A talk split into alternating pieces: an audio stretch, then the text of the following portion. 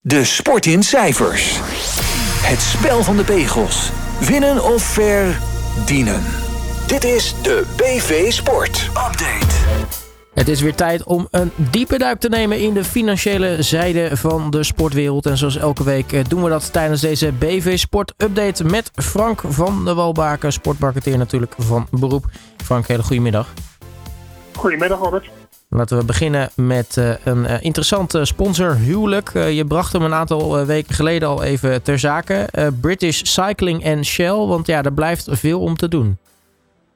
Ja, het is natuurlijk een delicaat onderwerp. Want British Cycling, dat is de Engelse wielerbond, die heel succesvol is, met name op de baan.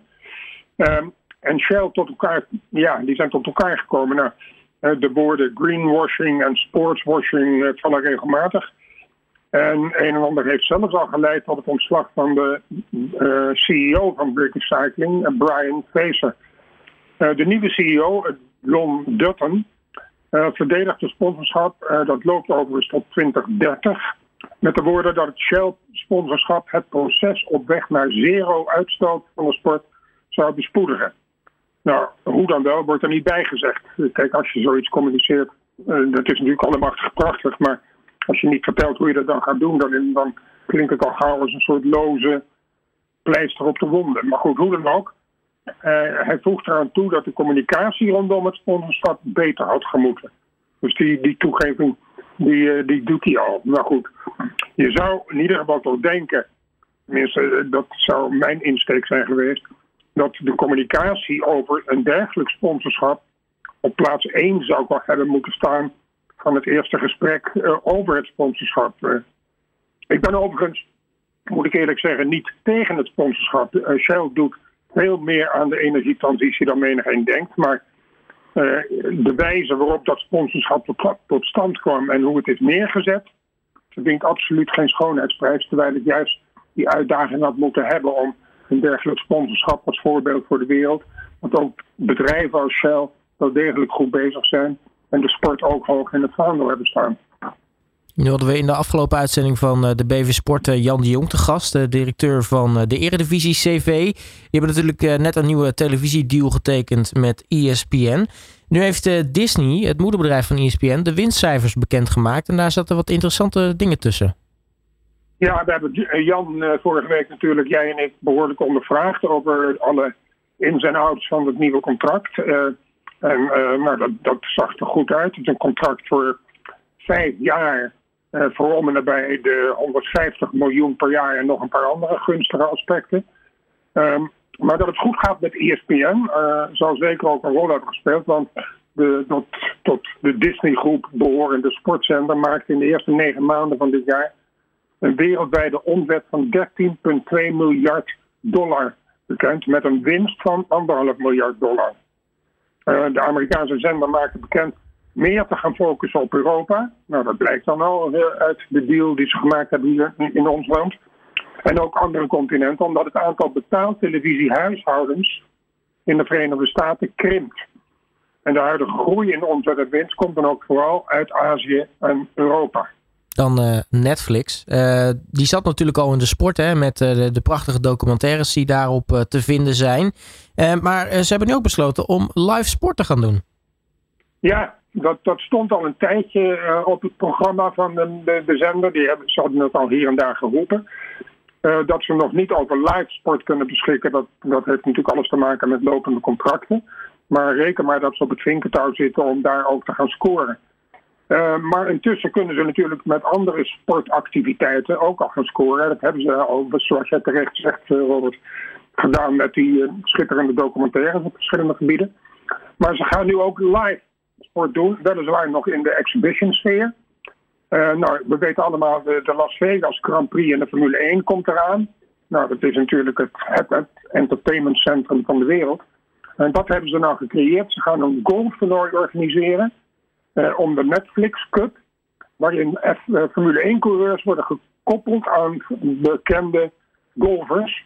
En dan in een matchplay-situatie gaan ze tegen elkaar spelen. Nou, dat gebeurt allemaal in dezelfde week dat de Grand Prix plaatsvindt. En Netflix uh, gaat die, dat hele golftoernooi live uitzenden. Nou, reken maar dat de combinatie van Formule 1-coureurs die minstens even populair zijn als de golfers, niet populairder. Ehm, dat gekoppeld aan topgolfers, dat dat behoorlijk wat kijkers gaat trekken. En dat dat dus gaat scoren voor Netflix.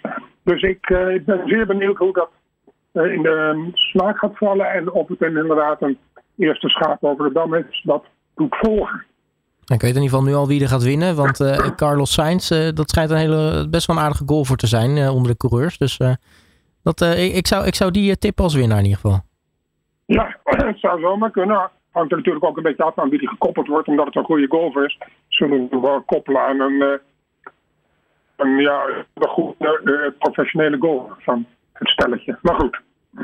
Dan gaan we verder met uh, Saoedi-Arabië. die gaan namelijk iets, of ze willen iets, iets nieuws gaan organiseren, namelijk het WK e-sports. Ja, um, dat e-sports in de lift zit, dat weet ik wel. Um, en Saudi-Arabië, die natuurlijk zeer nadrukkelijk bezig is met sport te gebruiken, sommigen zeggen misbruiken, om zichzelf te profileren als land. Maar goed, ze hebben al een claim nu neergelegd. Ze, hebben al bekendgemaakt niet dat ze willen, maar dat ze het sowieso gaan doen. Het organiseren van een jaarlijks wereldkampioenschap e-sports. De verzamelnaam voor computerspellen, et cetera. Uh, het toernooi krijgt een prijzenpot die ongekend is voor de e-sports, melden de kroonprins Mohammed bin Salman, die zichzelf daar zeer nadrukkelijk mee bezighoudt. Uh, de eerste editie moet in de zomer van 2024 plaatsvinden. Uh, wat ermee te maken heeft, is de aankondiging van Thomas Bach, dat is de voorzitter van het IOC, die uh, best wel verrassend heeft geroepen dat hij met zijn IOC aan het onderzoeken is of er een Olympische Spelen voor de e-sports kan worden gaan georganiseerd. Nou, dat past natuurlijk helemaal in de doelstelling van Thomas Bach en zijn konuiten. Om uh, de Olympische sport dichter bij de jongere consument te brengen. Omdat de, kennelijk de profielschets van de middelen kijkers naar de Olympische Spelen uh, al in de grijze haren verkeert. Ehm, volgens dat IOC zijn er wereldwijd al zo'n 3 miljoen, 3 miljard sorry, mensen aan het gamen. En de, minderheid, de meerderheid daarvan is jonger dan 34 jaar. Nou, dat speelt dus het IOC met hun doelstelling jeugd te bereiken volledig in de kaart. Um, dus dat, dat klinkt allemaal in Lausanne, waar IOC is gevestigd, als muziek in de oren. Billie Jean King eh, is natuurlijk een legende in eh, de tenniswereld. Uh, zat overigens volgens mij vorige week of net de week daarvoor uh, bleek zij in een van de pakken van de Mask Singer te zitten in Amerika. Dat, uh, dat was nog wel een, een, mooi nieuwtje. Maar dat terzijde. Um, ze heeft natuurlijk uh, eigenlijk de, de, de eigen cup naar haar vernoemd. Hè, de Billie Jean King Cup. zij wil zich hard gaan maken om die te gaan integreren met de Davis Cup. Ja, de Never Sleeping zou je bijna willen zeggen. Altijd actieve Billie Jean King. intussen de legendarische natuurlijk. Amerikaanse dame die niet alleen een top tennister was en vele jaren de wereldranglijst aanvoerder. Ze won maar liefst 39 Grand Slam toernooien. Maar ook een vrouw die heeft gevochten en nog vecht voor een waardering en meer gelijkheid voor de vrouwensport. Zij heeft het plan inderdaad gelanceerd, zoals je net al zei. Uh, ja, uh, het ligt natuurlijk eigenlijk zo voor de hand dat, dat, dat ik me afvraag waarom niet eerder iemand het bedacht heeft. Maar goed, de naar haar genoemde Billie Jean King Cup dat gaat voor het jaarlijkse vrouwentoernooi uh, van landen tegen landen. Uh, ze wil die integreren met de Davis Cup, waarin de mannen precies hetzelfde doen. Waardoor je dus een, een, een, een, eigenlijk een soort World Cup tennis zou krijgen van alle geledingen van de tennis. En ik kan me voorstellen dat dat heel erg aantrekkelijk is en dat het um, zeer zeker vele zenders zou aantrekken en dus ook zeer vele sponsors. Dus, uh, en dat past natuurlijk volledig in de huidige tijd het plaatje van gelijkheid. Dus uh, een heel goed initiatief in mijn ogen. En, en, je vraagt je af waarom het niet eerder had plaatsgevonden. Maar ja, maar vaak is het zo dat de simpele ideeën, die liggen voor de hand en die worden over het hoofd gezien. Omdat men zich focust op de moeilijke problemen. Dan het Amerikaanse basketbal, Frank. Um, ja, de NBA. We weten natuurlijk dat daar ontzettend veel geld in omgaat. Want het is een van de meest populaire competities in Noord-Amerika. En er is nu een onderzoek naar buiten gebracht eh, waarin uh, nou ja, de hoeveelheid sponsorgelden in een seizoen bekend zijn gemaakt. En dat is uh, nou, best een aanzienlijk bedrag. Ja, grote bedragen in de sponsoring van sport is geen nieuws. Dat weten jij en ik, Robert, en dat weet eigenlijk iedereen wel. Maar af en toe sta ik zelfs ook nog verbijsterd over de bedragen. Want een onderzoek in die NBA, de National Basketball Association in de Verenigde Staten, is interessant. En dan te beseffen dat de NBA, de, de basketbal, niet echt de grootste sport is. Dat is toch het American football wat het meeste trekt. Maar goed, eh, dat onderzoek in die NBA toont aan dat in het seizoen 2022-2023 uh, eh, de, de omzet uit sponsorgelden een bedrag heeft opgeleverd van 1,6 miljard dollar. Ehm, de grootste bijdrage in die pot werd geleverd door IT-bedrijven. Uh, als grootste leverancier dus. Uh, gevolgd door telecombedrijven en die weer gevolgd door de crypto-industrie. Uh, onder de meest actieve bedrijven stonden Toyota en Coca-Cola op de voorgrond met beide meer dan 20 deals in de verschillende franchises in die NBA. De meest populaire club bij de sponsor was de Golden State Warriors. Dat verwondert niemand. En de sterfspeler van de Warriors, Stephen Curry, was de meest populaire speler. Ja, het zou een BV Sport update niet zijn zonder het toch even over eh, voetbal te hebben. Uh, in dit geval gaan we het hebben over de Premier League. Want die gaan een soort MLSje doen. Die, die hebben namelijk een initiatief geïntroduceerd eigenlijk om een soort, ja, misschien een salary cap in te gaan voeren. Ja, dat zo'n initiatief ontstaat begrijpen we natuurlijk allemaal. Want de, de verschillen tussen rijk en, arm in, in het voetbal, hoe rijk de totale voetbalsport ook is, eh, die, die komen toch wel nadrukkelijk op de voorgrond. En we zien toch in diverse landen al dat bepaalde clubs uh, ja, zo goed als zeker zijn van meedoen voor de titel. We hebben nu een pikante uitzondering natuurlijk in Nederland in de Eredivisie met Ajax, maar dat even terzijde. Maar de League Cup zou overwegen de introductie van een salary cap. Ten einde die competitie spannender te maken of te houden. Het nieuws werd openbaar gemaakt door Steve Parrish, dat is de voorzitter van Premier League Club Crystal Palace. Hetgeen het een twijfelachtig bericht maakt, wat, althans wat mij betreft. Want ik betwijfel namelijk of de grote clubs, en zoals de beide clubs in Manchester of Liverpool en de Londense clubs Arsenal, Chelsea en Tottenham, uh, hier mee zullen gaan. Bovendien, mocht het zover komen, dan zijn er natuurlijk allerlei mogelijkheden om onder zo'n salary cap uit te komen. Er zijn vele wegen die naar Rome leiden. En wat te denken bijvoorbeeld van portretrechten van spelers, die kan je loskoppelen van salaris en die kan je apart uh, gaan kapitaliseren.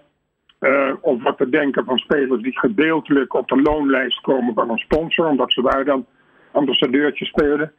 Dus uh, het streven van Steve Parrish is mooi daar geloof ik ook best in om de competitie spannender te maken. Meer solidariteit bij de topclubs voor de onderkant van de piramide. Maar, dus ik juich het toe, maar ik vrees dat het een beetje riekt naar wishful thinking. Dan uh, tot slot, uh, geen Formule 1, maar wel een uh, televisiedeal. De Serie A heeft namelijk een, een deal getekend met Sky Italia en DAZN voor de televisierechten. Maar wel voor aanzienlijk minder dan dat ze gehoopt hadden. Ja, ze zijn al tijden bezig. ja, bliezen nogal hoog van de toren. Want ze hadden een vraagprijs gesteld naar de markt toe van 7,2 miljard voor een vijfjarige deal. Nou, het is een vijfjarige deal geworden. Met, zoals je al zei, Sky, Italia en DAZN. maar het totaalbedrag is voor 4,5 miljard. Dus die 7,2 miljard bleek wel wat al te optimistisch. En dat had natuurlijk ook inderdaad te maken met de lange duur. Dus men was echt niet echt enthousiast op kennelijk. Het merendeel, 3,5 miljard van die 4,5 miljard, komt van de kant van DAZN. Die zeven wedstrijden per ronde live zal gaan uitzenden. Dat leidt tot 266 wedstrijden per seizoen. En dat leidt er dus tot, tot 2,6 miljoen euro per wedstrijd. Dat zijn eh, de, de, komende vijf jaar is dat de deal voor de Italiaanse Serie A. Dat was het voor deze week. Frank, dankjewel weer voor uh, je tijd. En uh, wij spreken elkaar natuurlijk snel weer. Oké, okay, Robert. Alle sporten van binnenuit. All Sport Radio.